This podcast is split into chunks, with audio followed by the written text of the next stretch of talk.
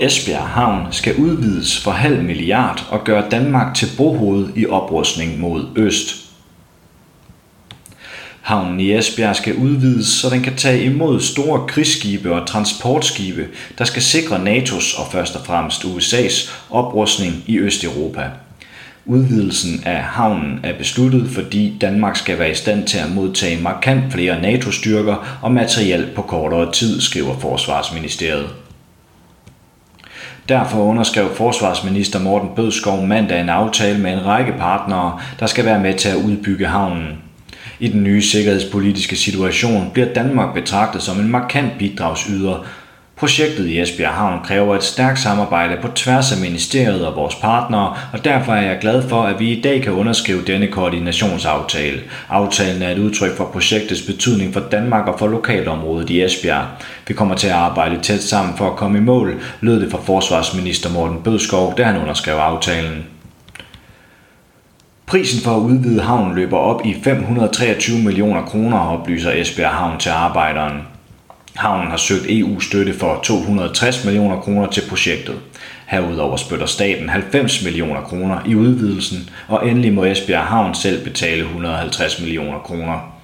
Hvis ikke EU vil støtte den militære havneudvidelse, må Esbjerg Havn låne pengene i banken. På trods af, at udvidelsen kommer som en konsekvens af et ønske fra USA, bidrager hverken NATO eller USA til den militære udvidelse med en eneste krone. Esbjerg Havn ligger attraktivt i forhold til at kunne støtte NATO's og i særdeleshed USA's oprustning i Østeuropa. Formålet med projektet er at give USA og NATO mulighed for at fragte militært udstyr til Esbjerg Havn og herfra videre med tog og lastbiler til eksempelvis de baltiske lande, forklarer direktør i Esbjerg Havn Dennis Jul Pedersen til arbejderen. For at leve op til kravene som NATO-havn skal der blandt andet laves en dybere sejlrende, jernbanen skal forlænges og store arealer skal befæstes. I april lagde USA's enorme krigsskib ARC Endurance til i Esbjerg Havn for at sætte 300 USA-amerikanske panserkøretøjer i land.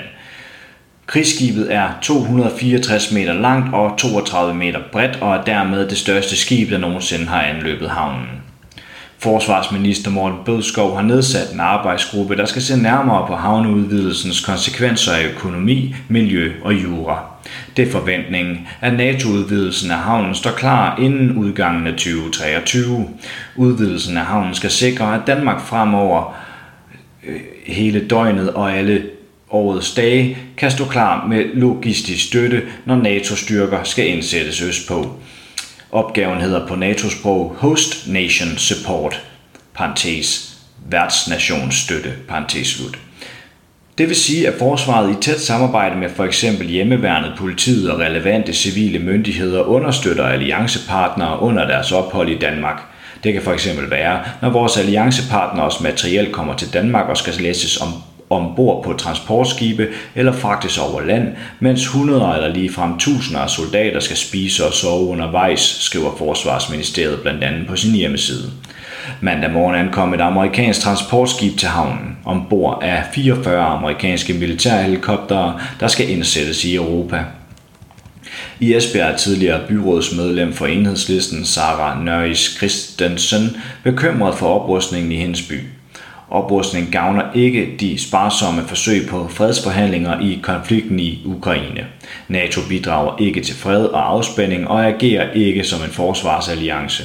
NATO har taget del i blodige krige, der har gjort verden til et mere usikkert sted og kostet tusindvis af menneskeliv.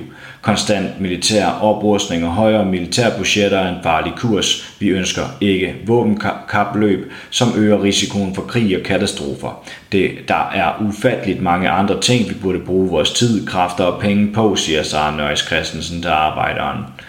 Regeringen henviser til, at udvidelsen af havnen er nødvendig på grund af krigen i Ukraine. Men Sara Nøjes Christensen forudser, at NATO's militære udvidelse af havnen er kommet for at blive. Man udvider vel ikke NATO-havne under en krig for så at nedgradere dem igen umiddelbart efter. Den tror jeg ikke på. Ligesom jeg heller ikke tror på, at det her øger sikkerheden i Europa, i Danmark og i Esbjerg. Hvordan kan flere våben øge sikkerheden, spørger Nøjes Christensen. Du har lyttet til en artikel fra Arbejderen. Abonner på vores podcast på iTunes, eller hvor du ellers hører din podcast.